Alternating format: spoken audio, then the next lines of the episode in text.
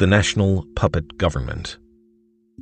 On March 30th, 1940, the Japanese set up a national Chinese puppet government in Nanjing, led by Wang Jingwei, similar to the so-called national government they had established in Manchuria, with Emperor Puyi as the titular head. The Japanese had been slow to set up a separate national puppet government because they had continued to hope that Chiang Kai shek, who had engaged in some informal peace initiatives with Japan, might come to some accommodation with the Japanese military occupation. On March 20th, after it became clear that Chiang would not make such accommodations, Japan recruited Wang Jingwei, who had been Chiang Kai shek's leading rival to succeed Sun Yat sen, to serve as the head of a puppet regime, the reorganized national government of Nanjing. Chiang, who never completely trusted Wang, had sometimes removed Wang from his positions and sometimes reinstated him in other positions.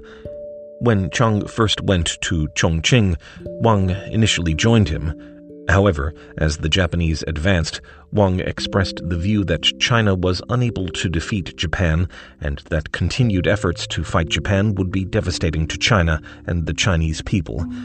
He advocated finding a way to make peace with Japan. When the Japanese set up its puppet government in 1940, Wang and the Japanese who supported him claimed that Wang's administration, with ministers and a government structure like the one that Sun Yat sen had established in 1925, represented a restoration of the true nationalist government.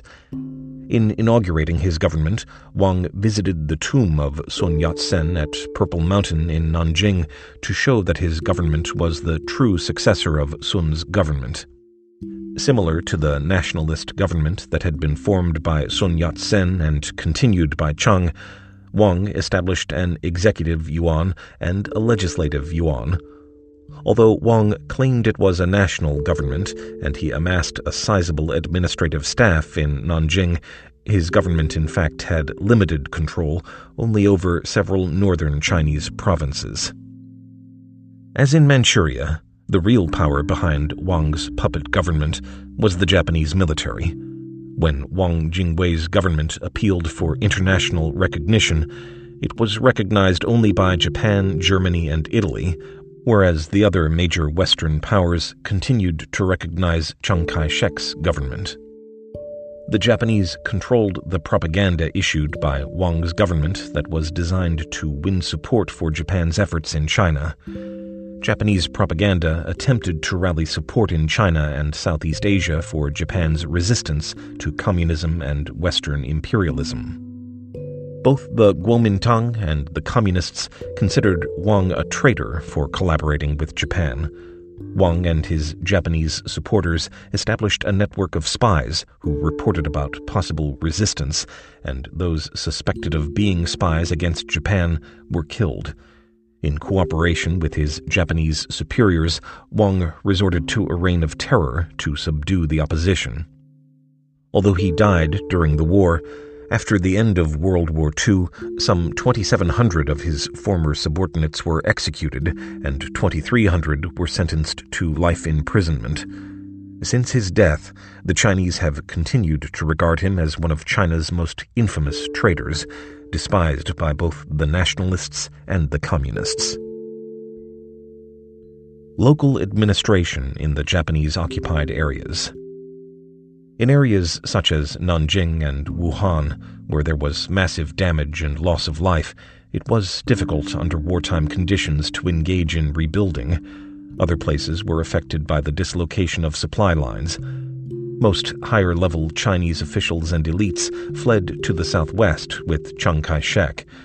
The populations of cities such as Beiping, Tianjin, and Shanghai grew slightly between 1937 and 1945 as refugees poured in to escape the fighting. Japanese commanders were given responsibility for administering the occupied areas. Japanese troops were able to dominate the cities and larger towns and to control the rail lines, the main means of transport between cities. The Japanese had access to the 4,000 miles of railways in north and central China. However, because China was so large, the Japanese could not dominate the countryside, even though in 1939 they tried to pacify rural areas. The Japanese could control the commercial activities in the larger cities, but even the peddlers in the cities, to say nothing of the small scale Chinese businesses in the countryside, were largely beyond Japanese control. Because the Japanese could not control the countryside, local people in areas near the cities and along rail lines could engage in resistance and occasional small scale guerrilla attacks. In some cases, they could even carry out somewhat larger attacks. The Japanese troops, like U.S. troops during the Vietnam War who were unable to track down those who had launched the attacks against them, resorted to the brutal destruction of areas that they believed the attackers had come from. When guerrillas attacked Japanese forces along the railways, the Japanese often retaliated by destroying entire villages in a policy the Chinese publicized as kill all, burn all, loot all. The three alls became a rallying cry for strengthening anti Japanese sentiment and promoting patriotism. The Japanese military made virtually no specific plans for administering each city or town that it took over. Although many places were devastated by Japanese attacks during the takeover, once the Japanese were the occupying power, the Japanese officers responsible for pacifying the local areas tried to achieve stability.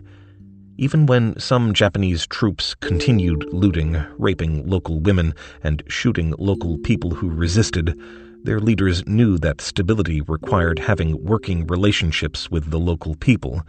To succeed, they had to get municipal services up and running again.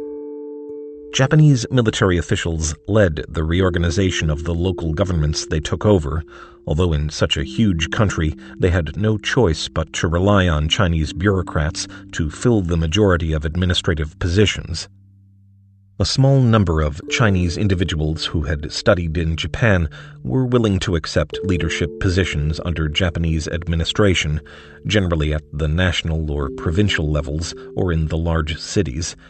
In addition, a small number of people from Taiwan and Manchuria who could speak some Japanese and had worked with the Japanese in the colonies were brought to the occupied areas to fill higher level positions or to serve as liaisons between the Japanese and the locals. In some cases, to establish order in local communities under the Japanese military, the Japanese would hire the local militia that had served in the local warlord's army.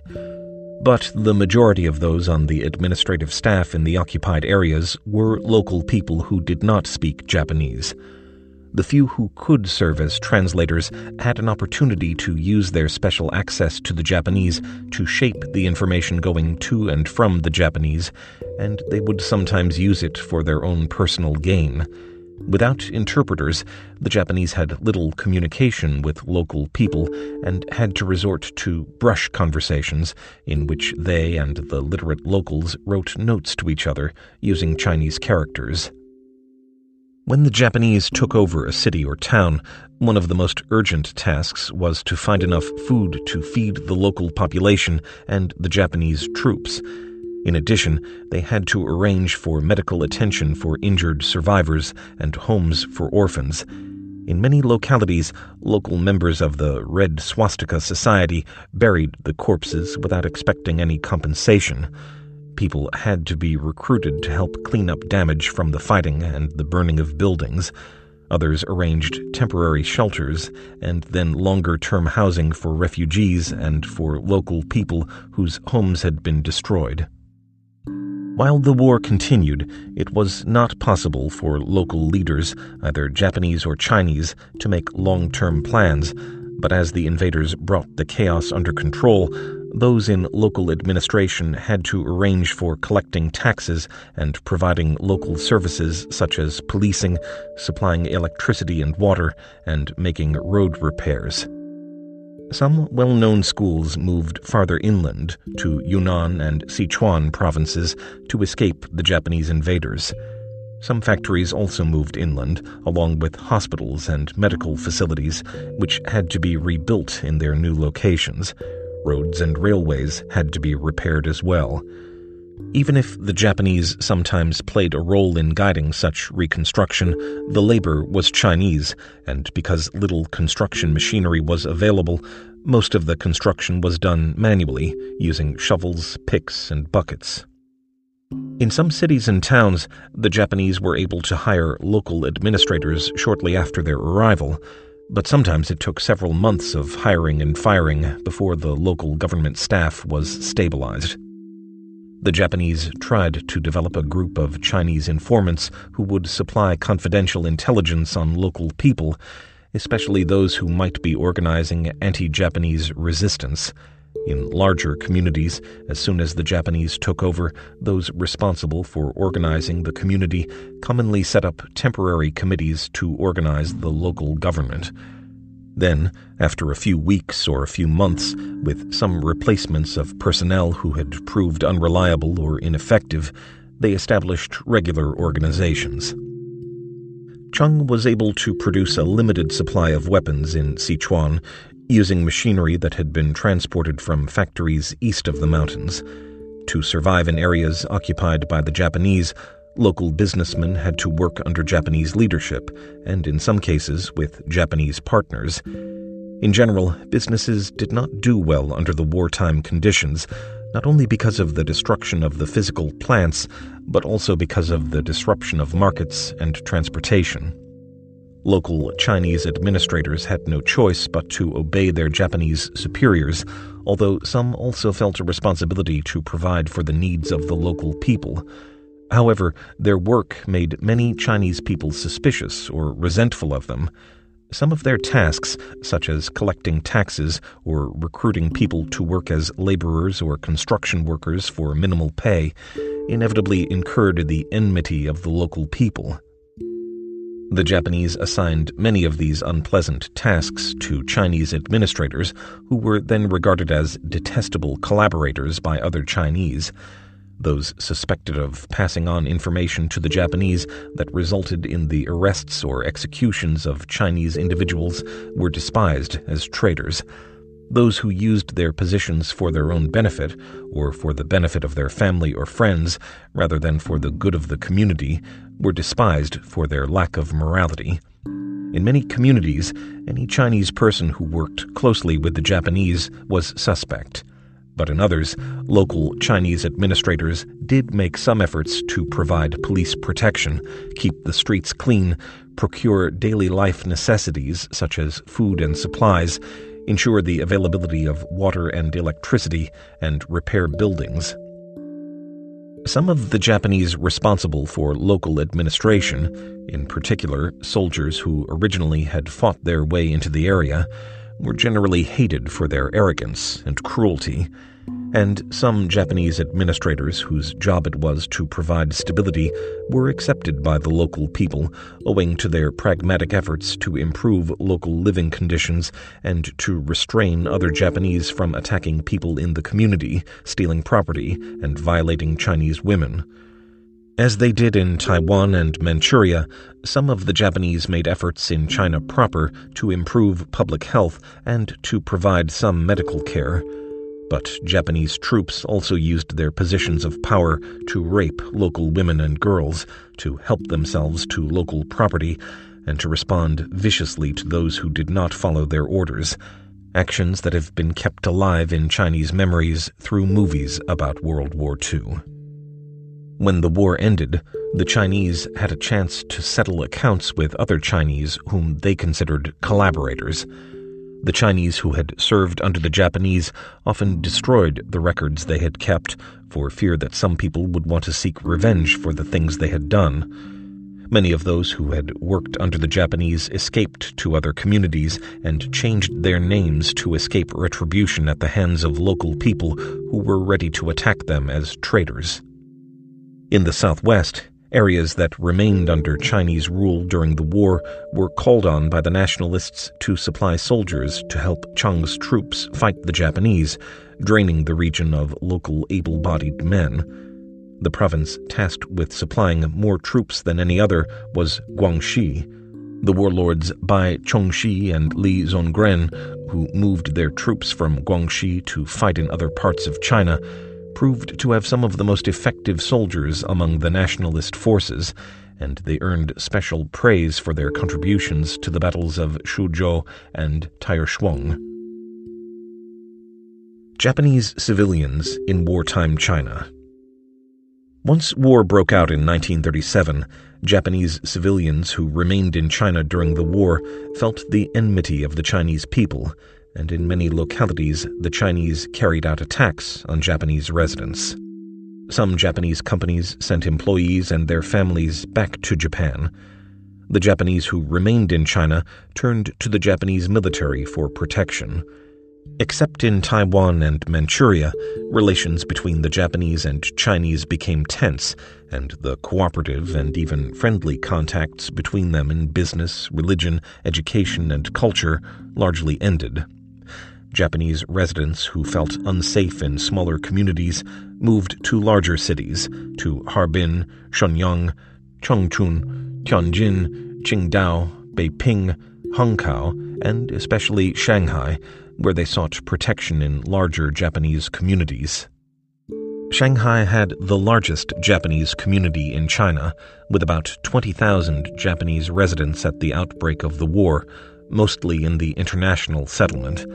As Japanese refugees from smaller towns began flowing into Shanghai, the Japanese population increased to about 90,000 the Japanese in Shanghai felt protected by their troops, and the Japanese Residents Association, described by Joshua Fogel, looked after their needs. However, relations with the local Chinese in Shanghai had been tense ever since the 1932 air raids and fighting. In smaller Japanese communities, such as that in Tianjin, the Japanese residents had been more integrated into the local community than they were in Shanghai, but when war broke out, they became more separated from the Chinese living in the same city because they had their own military protection and their own stores and other facilities. Just as the Chinese became more nationalistic and anti Japanese in wartime, so the Japanese residents who remained in China worked more closely with fellow Japanese residents and tended to become suspicious of the Chinese and insulated from the surrounding Chinese community. The unoccupied areas. Japanese troops, worn out after taking Wuhan and stretched thin across northern, central, and southeastern China, never penetrated into the southwest, where the nationalists were located, or into northern Shaanxi and other mountainous areas where the communists were based. They also never penetrated the border areas, including Gansu, Suiyuan, Qinghai, Xinjiang, and Tibet, that were peripheral to the Sino Japanese War and the civil war that followed. The Japanese did carry out massive air raids on Chongqing, where Chiang and the nationalist government and army were located, as well as a few air raids on Yan'an in Shaanxi province, where communist headquarters was located, but they never sent troops to attack either the communist or nationalist base areas. The Communists for communists, resisting the hated Japanese was far more popular than their earlier struggle against nationalist landlords and businessmen, and they made good use of the opportunity to publicize their patriotism. The core group in Yan'an were the 8,000 soldiers who had arrived in late 1935 after the Long March, having escaped the Nationalist Army's Fifth Encirclement Campaign. There, in northern Shaanxi province, a very poor area, they lived simple lives, but their movement thrived. An estimated 100,000 newcomers arrived in Yan'an during the war. Some were refugees fleeing the Japanese, and others were young intellectuals moved by a desire to serve their country, attracted by the idealism of the communists and disillusioned with the nationalists, in Yan'an, with no immediate pressure from the outside, the communists had time to develop their underlying ideology, their organization, and their military, and to devise strategies for taking over the country.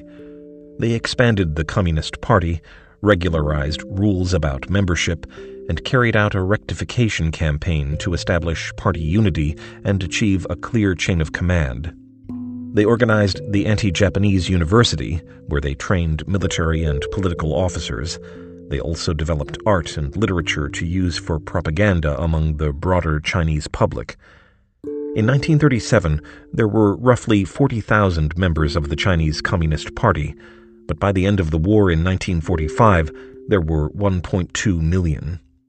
The Eighth Route Army, the Communists' main force, had grown from 80,000 to more than 1 million, and its new Fourth Army had grown from 12,000 to 269,000. The Communists made one major thrust to fight the Japanese, the Hundred Regiments campaign, led by General Peng Dehuai, the commander of the Eighth Route Army. From August to December 1940, Peng Dehuai led more than 100 regiments in attacking Japanese troops and destroying railway tracks and bridges in Hebei and Shanxi provinces. When the Japanese realized the effectiveness of the Hundred Regiments campaign and expanded their forces dedicated to fighting it, Peng Dehuai pulled back the communist forces suffered some losses, and leader Mao Zedong decided that from then on, large scale communist units would preserve their strength for fighting the nationalists. The communists did not engage in any more attacks on Japanese forces. Instead, they used their guerrilla forces in various places to harass the Japanese and damage their facilities. After the Hundred Regiments campaign, Peng Dehuai and other military leaders, including Liu Bocheng and Deng Xiaoping, moved east to the Taihang Mountains in eastern Shanxi province, where they formed another base in the border area between Hebei, Shanxi, Shandong, and Henan, Jinji Luyu. There, they could get enough food in the fertile areas of Shanxi province, and the troops lived in the mountains, making it difficult for the Japanese to reach them. Yet they were close enough to Japanese troops that they could use their guerrilla forces to attack them and disrupt their railways. In addition to the Eighth Route Army in northern China, the Communists had a large military presence, the new Fourth Army, in central China, in Jiangsu and Anhui provinces and there were smaller groups of guerrillas based in other areas. According to communist publications, by the end of the war there were 15 communist bases located throughout the country, most of them relatively small and situated primarily in mountainous areas. As Lucien Bianco has shown, Chinese peasants on the eve of the fighting between the communists and nationalists did not have a class consciousness. They were concerned about taxes, rents, and the collection of special fees. Ever since Chiang Kai shek established his Nanjing government, he had raised taxes to cover the cost of his government and army. In contrast, the Communists' publicity stressed that they did not support a large bureaucracy and that their armies were basically self sufficient. They appealed to the peasants by forcing landlords to reduce their rents. The Communists also publicized their efforts to train their troops to treat peasants with respect, to pay for what they took, and to clean up the places where they stayed. The Nationalists in Sichuan and Yunnan provinces. When the Nationalists settled in Chongqing, which quickly became the largest city in Sichuan, they brought with them a large bureaucracy and a sizable military, which turned out to be a burden on the local economy. Large numbers of refugees followed. It has been estimated that the population of Chongqing at the end of the war was five times what it had been prior to the war. Chiang had to collect substantial taxes to support his large bureaucracy and his military forces, and the troops, like the other refugees who fled to Chongqing, had to rely on local people to supply their food and other goods. The local people found it hard to be welcoming to the outsiders because of the burdens they created. The incoming population also occupied some areas formerly used for growing rice. With the massive number of refugees, Chongqing was chronically short of goods. The shortages led to runaway inflation that all residents, already burdened by high taxes and overcrowding, found frightening. None of the measures designed to control inflation succeeded. The high tax burden on the local populace made it difficult to provide adequate salaries for the many officials and soldiers so that they could live comfortably. Many civil servants who tried to find ways to increase their income were accused of corruption. The Japanese troops were far away, and it was difficult for those in Chongqing to feel that they were performing useful work. Those who had come from the cities in the east found the living conditions, with limited housing, inflation, a shortage of supplies, and sweltering summertime heat, difficult to bear, and as a result, morale suffered. Some of the Chinese, along with the Americans in Chongqing, criticized Chiang's authoritarian style and his readiness to torture and kill his opponents. Westerners found Chiang's American educated wife, Soong Mei-ling, charming, but many saw the taciturn, reserved generalissimo as lacking in moral as well as political leadership. Military commanders considered Chiang too detail oriented and excessively controlling, yet no one questioned his commitment to China's future and his diary shows that he was thoughtful and even self critical in assessing his own judgments and his ability to solve the problems he faced. The territory ruled by the nationalists extended beyond Chongqing to all of Sichuan and much of Yunnan. Refugees fled to various places in these two provinces from all parts of China. Some industries were relocated to Yunnan as well as Sichuan, making use of workers from Shanghai and elsewhere. Faculty and students escaping Peking University, Tsinghua University, and Nankai University united to set up Southwest Associated University, Xinan Lianda, in the Yunnan capital of Kunming. One of the most popular foreigners in Chongqing was Major General Claire Lee Chennault, who, after retiring from the U.S. Air Force in 1937, went to China to help train Chinese pilots. He led the Flying Tigers, a volunteer squadron of American military pilots, in attacking Japanese planes, and he and Chiang Kai shek hit it off well. To bring supplies to the nationalists from the outside, the British and the Chinese cooperated in building the Burma Road, which was completed to Kunming in 1938. In 1942, after the Japanese succeeded in closing the road, the United States helped by flying in goods from India over the Hump, the mountainous areas of Burma, to the nationalist forces in Yunnan and Sichuan. In February 1942, President Franklin Roosevelt, considering how to help the Chinese war effort, sent a Chinese speaking general, Joseph Stilwell, to work with Chiang Kai shek. Within a week, Stilwell, known as Vinegar Joe for his sharp personal style, was publicly referring to Chiang as Peanut, and Chiang reciprocated with disdain for Stilwell. They had a stormy relationship that continued until October 1944, when Roosevelt finally recalled Stilwell at Chiang's insistence. Stilwell tried to get Chiang to send his troops to fight Japan aggressively, but Chiang resisted. Underlying their personal bitterness were their different approaches to fighting the war. Chiang was worn down by two years of fighting the Japanese without success and by the years in Chongqing. He requested that the Americans supply more goods and planes to assist China, and he expressed disappointment that the United States was doing so little to help him. Roosevelt, preoccupied with fighting the war in Europe as well as in the Pacific, did not consider the China theater his highest priority until the end of the war in Europe. Later, as the United States began producing more bombers, Roosevelt, to Chiang's disappointment, placed a higher priority on directly bombing the Japanese islands than on bombing Japanese troops and facilities in China. For a brief time, at the Cairo Conference in November 1943, Chiang was elevated to the position of a partner, meeting with Roosevelt and Churchill, but Stilwell's view of Chiang strengthened Roosevelt's perception that Chiang was refusing to fight the Japanese and saving his strength in case he later had to fight the Communists. The American officials and analysts sent to work with Chiang during World War II including John Fairbank, Theodore White, and early post war writers such as Barbara Tuchman, generally sided with Stilwell and had a low opinion of Chiang Kai shek and the nationalists in Chongqing, whom they saw as corrupt and decadent. Later scholars, including Yang Qianshu, Jay Taylor, and Hans van de Ven, while acknowledging the corruption and decadence in Chongqing, have a more sympathetic perspective, recognizing the difficulties Chiang confronted and his persistence in trying to deal with them.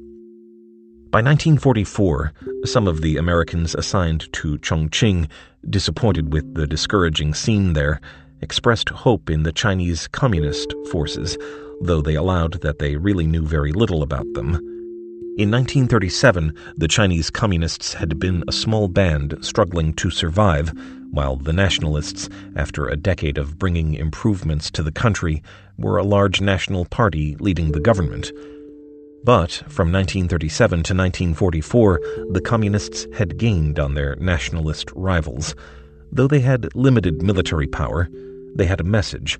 They were carrying out guerrilla attacks on the Japanese they were living simply, and they advocated reducing rents, all of which had considerable appeal to those in Yan'an and to patriotic youths in the occupied areas. They had a spirit of optimism that was lacking among the nationalists. In 1944, the Japanese launched a huge military campaign that tipped the scales even more in the direction of the communists.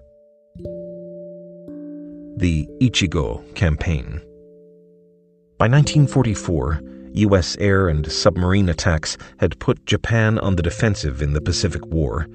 In response, Japan launched the Ichigo campaign to wipe out U.S. air bases in China that could be used to launch bombing raids on Japan and to provide an unimpeded transport route for bringing supplies to Chongqing from India and Southeast Asia that could replace the sea route then controlled by U.S. submarines. The campaign lasted from April 1944 to January 1945. It was the largest campaign of the Sino Japanese War, carried out on a scale comparable to the Normandy invasion in Europe and the German invasion of the Soviet Union. Of the 820,000 Japanese troops then in China, some 510,000 took part in the campaign. They had at their disposal 100,000 horses and 240 planes. Chiang Kai shek, under pressure from his own supporters and from the United States to do more to stop the Japanese, mobilized more than one million men to respond to the Japanese attacks. Japanese troops in this campaign adopted a scorched earth policy. As they moved southward, they destroyed granaries and farmland to weaken China's capacity to resist. In Hengyang, Hunan province, in one of the largest battles of the war, even larger than the battles around Wuhan in 1938. Nationalist troops fought valiantly for three months. In the early stages of the Ichigo campaign, the Chinese lacked good intelligence. Believing signs of Japanese movements toward Hengyang were a feint, they initially failed to send adequate numbers of troops to the battle. General Stilwell's view was that the Chinese soldiers fought bravely, but the officers were not well trained. Chiang Kai shek would sometimes call on his commanders directly, giving orders that they could not disobey, even if they thought that local conditions warranted a different response. Chiang also did not always notify his high level officials of the directions he was giving to local commanders, a practice that sometimes created confusion among commanders at different levels. In addition, the Chinese lacked supplies and often were not adequately nourished. As during earlier phases of the war, Japan's soldiers were better trained, better equipped, and more disciplined.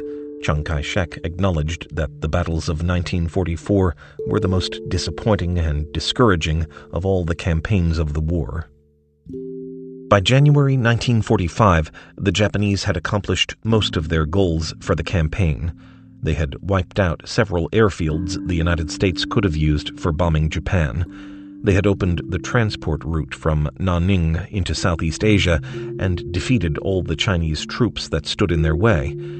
But in their strategic goal of defending Japan from air raids, they failed, for two months after the Ichigo campaign began, U.S. forces advanced into the Mariana Islands, including Saipan, where they built several airfields that were close enough to Japan to be used for massive bombing attacks.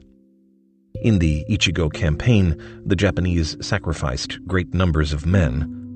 However, in the end, it was the Allied forces, led by the Americans, conducting air raids and then dropping two atomic bombs, that caused the Japanese to surrender. The Ichigo campaign had a far larger impact on China's nationalists than it had on the communists because it focused on areas where there were many nationalist forces and few communists. The nationalist forces suffered such heavy losses during these battles that they were in a much weaker position when the Civil War broke out in China in the middle of 1946. The Japanese Home Front the war-making capacity of Japan was extraordinary.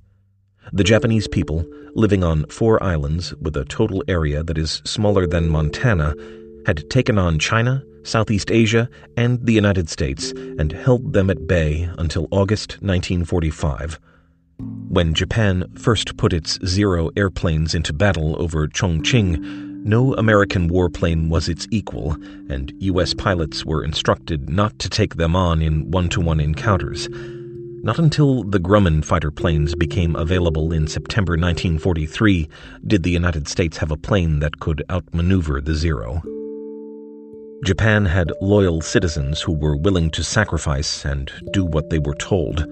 Soldiers and citizens at home did not revolt, even when faced with the deaths of family members and crackdowns on free expression of opinion. The government controlled all information in Japan, so the public learned only of the military's glorious successes and did not learn of the horrible deeds committed by Japanese troops or of their failures.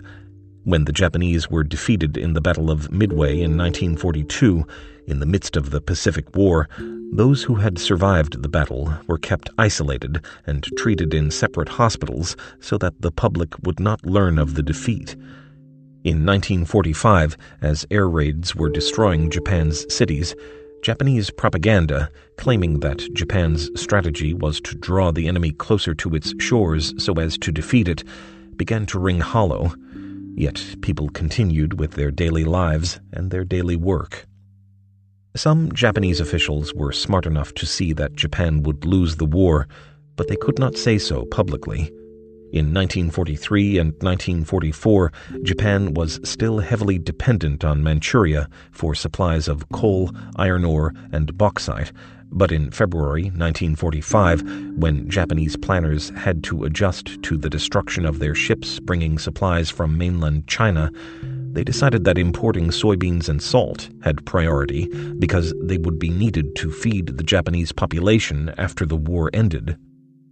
In July 1945, a small group began meeting to begin economic planning for the period after defeat. Under wartime politics, they could not refer to their work as post war economic reconstruction, so they called themselves the Study Group for Japanese Self Sufficiency. The day after Japan's surrender, the group held its first publicized meeting and changed the name of the organization to the Committee for Research into Post War Problems. On the eve of the Sino Japanese War, top leaders in Japan did not have the empathy to think through how the Chinese people, with their growing sense of nationalism, would respond to Japan's ambitions for conquest they did not have the wisdom to see the long term hostility that would be created by their aggression in China. Nor did they have the understanding needed to properly evaluate how the Americans would respond to the attack on Pearl Harbor. Once Japan began losing the war, Japanese people remained loyal to their country, but their leaders did not have the courage to surrender and thereby stop the massive loss of Japanese lives and the devastation of their cities. The Legacy Atrocities committed by Japanese troops during the war became better known to the outside world after the conflict. The atrocities in Nanjing, which had been reported briefly in the West by journalists in 1937 as they occurred, were recounted more fully during the Tokyo war crimes trials, and they received even fuller attention after the 1990s. The destruction by the Japanese of entire Chinese villages suspected of harboring guerrillas had been reported during the war and continued to receive attention afterward. Lethal chemical and biological experiments on human subjects, largely Chinese and Korean prisoners, carried out by Japan's Unit 731 in Harbin, were publicized by the Chinese, but they were not publicly acknowledged by the Japanese until 1993 when Japan finally admitted the existence of Unit 731 facilities. In 2018, the Japanese government released the names of 3,607 Japanese individuals who had worked in such facilities in Harbin, and the NHK television network aired a program giving a full picture of the experiments and acknowledging their existence. The Japanese policy of forcing women, comfort women from East Asian countries, primarily China and Korea, to go to comfort stations where they were required to provide sexual services for Japanese soldiers, began to receive wide attention in 1991, and former comfort women who were still alive at the time demanded compensation for their suffering. At the time, some Japanese officers believed it was better for sexual activities to be confined at comfort stations rather than having troops stir up local opposition by raping women in the countryside. After the war, Japanese officials initially denied that the government had played a role, but by 1993, Japanese officials were acknowledging the existence of this program, and they had begun to offer compensation to the victims. The Chinese who have collected information about the program have estimated that between 50,000 and 200,000 young women were forced to leave their homes to work in brothels to service Japanese troops. The impact of the publicity about these brutalities put the Japanese people living decades after the war on the defensive for the cruelties committed by Japanese troops during the war. Impact of the war on China Chinese losses in the war were immeasurable. Some have estimated that as many as 3 million soldiers and 18 million civilians died, and that as many as 100 million people were left homeless. Cities and industries were devastated, and yet, because of the subsequent Chinese Civil War, serious rebuilding could not begin until after 1949. The Japanese invasion had led Chinese people in each region to recognize that to resist the invader, it was necessary to cooperate with people in other regions. The invasion and occupation by Japan led to the spread of a strident nationalism, which had blossomed among the urban educated elite in major cities during World War I, and then spread to residents of smaller inland cities and peasants in the countryside. Resisting the Japanese required local groups to subordinate themselves to those who represented broader national interests. The war thus strengthened the nationalists compared with the warlords. The war enabled the communists to transform themselves from a small group of rebels into a large group of patriots poised to compete for the right to govern China. It gave them the time and space to develop plans for fighting the Civil War and the outlines of the programs they would use for governing China. It provided an opportunity for the Communists to expand their key organizations, the Army and the Party, which would later serve as a basis for unifying all of China. In the end, it was the United States that won the war and caused the Japanese to surrender but the nationalists proclaimed victory over Japan. They could point to their endurance in tying down more than four million Japanese troops, but it was difficult to find other areas of national achievement during the war to which they, as the responsible ruling party, could point with pride. It was difficult to take pride in an army that had been defeated in virtually all major battles. The defeats had taken a toll on nationalist morale. At the end of the China War, the nationalists still had far more officials and troops than the communists, including some who were very dedicated and capable. But even as the party in power, they could not easily match the appeal of the communists, who advocated lowering rents in order to win the support of ordinary peasants and make them willing to let their sons serve in the communist army. nor could the nationalists easily counter the communists' demand that taxes be lowered. When the communists took power on October 1, 1949, they made use of the visions and organizational structure they had created in Yan'an during the war. After 1949, they placed in important positions those whom they had trained in Yan'an.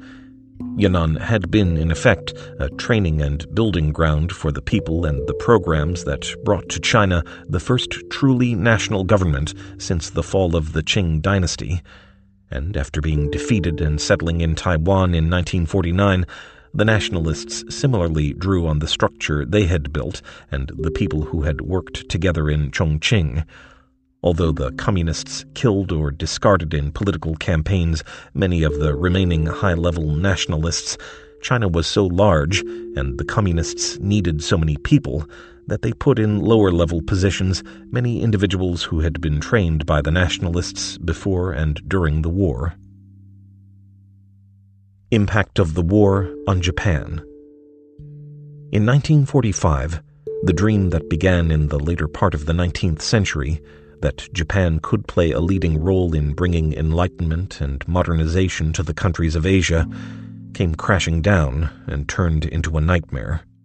Japan's extraordinary successes, beginning in the 1860s with the building of a modern administrative structure, a modern educational system, and a modern economy, ultimately did not lead to glory, but to tragedy for both Japan and its neighbors, Millions of Japanese died, not only in China, but also in Japan.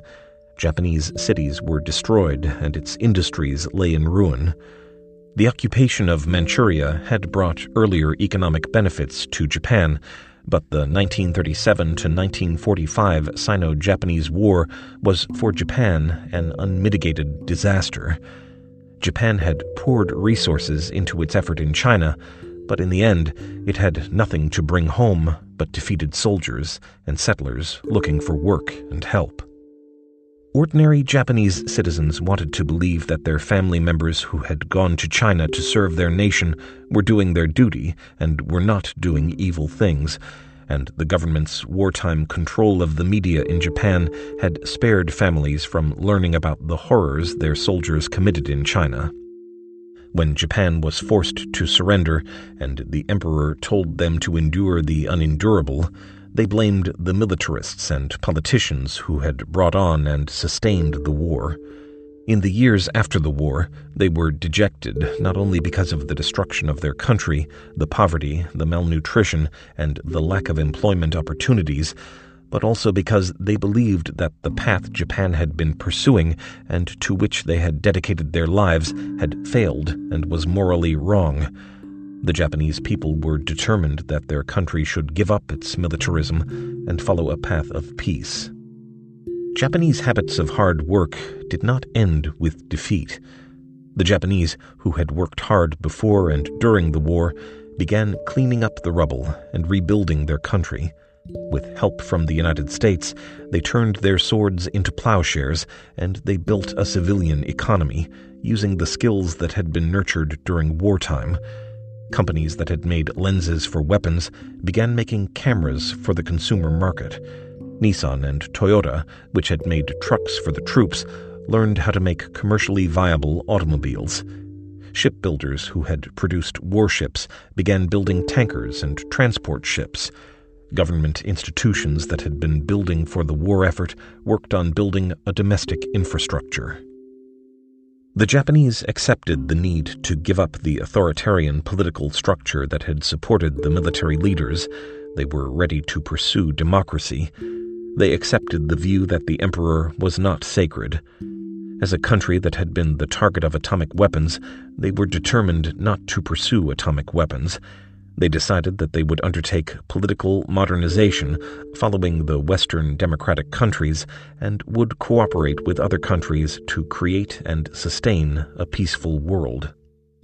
The Japanese who survived World War II wanted to take pride in their friends and relatives who had been willing to make sacrifices for what they thought would bring good results for other people as well as for themselves.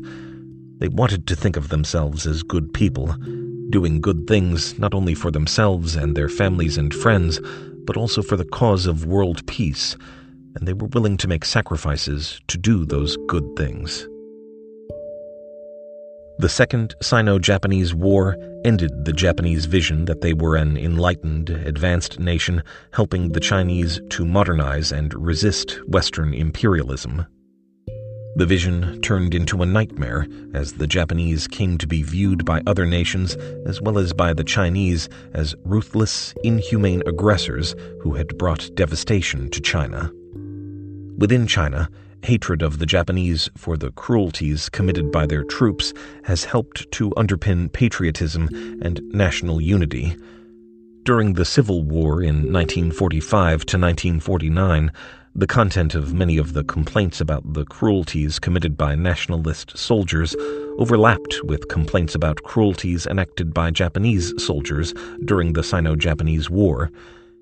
But later, after Taiwan and the mainland re-established contacts, mainland publicity about nationalist cruelties decreased. Publicity about Japanese cruelties during World War II, in fact, increased beginning in the 1990s. The Sino Japanese War from 1937 to 1945 inflicted enormous tragedies on the Japanese, but even more tragedies on the Chinese tragedies that have continued to shape Chinese attitudes toward Japan.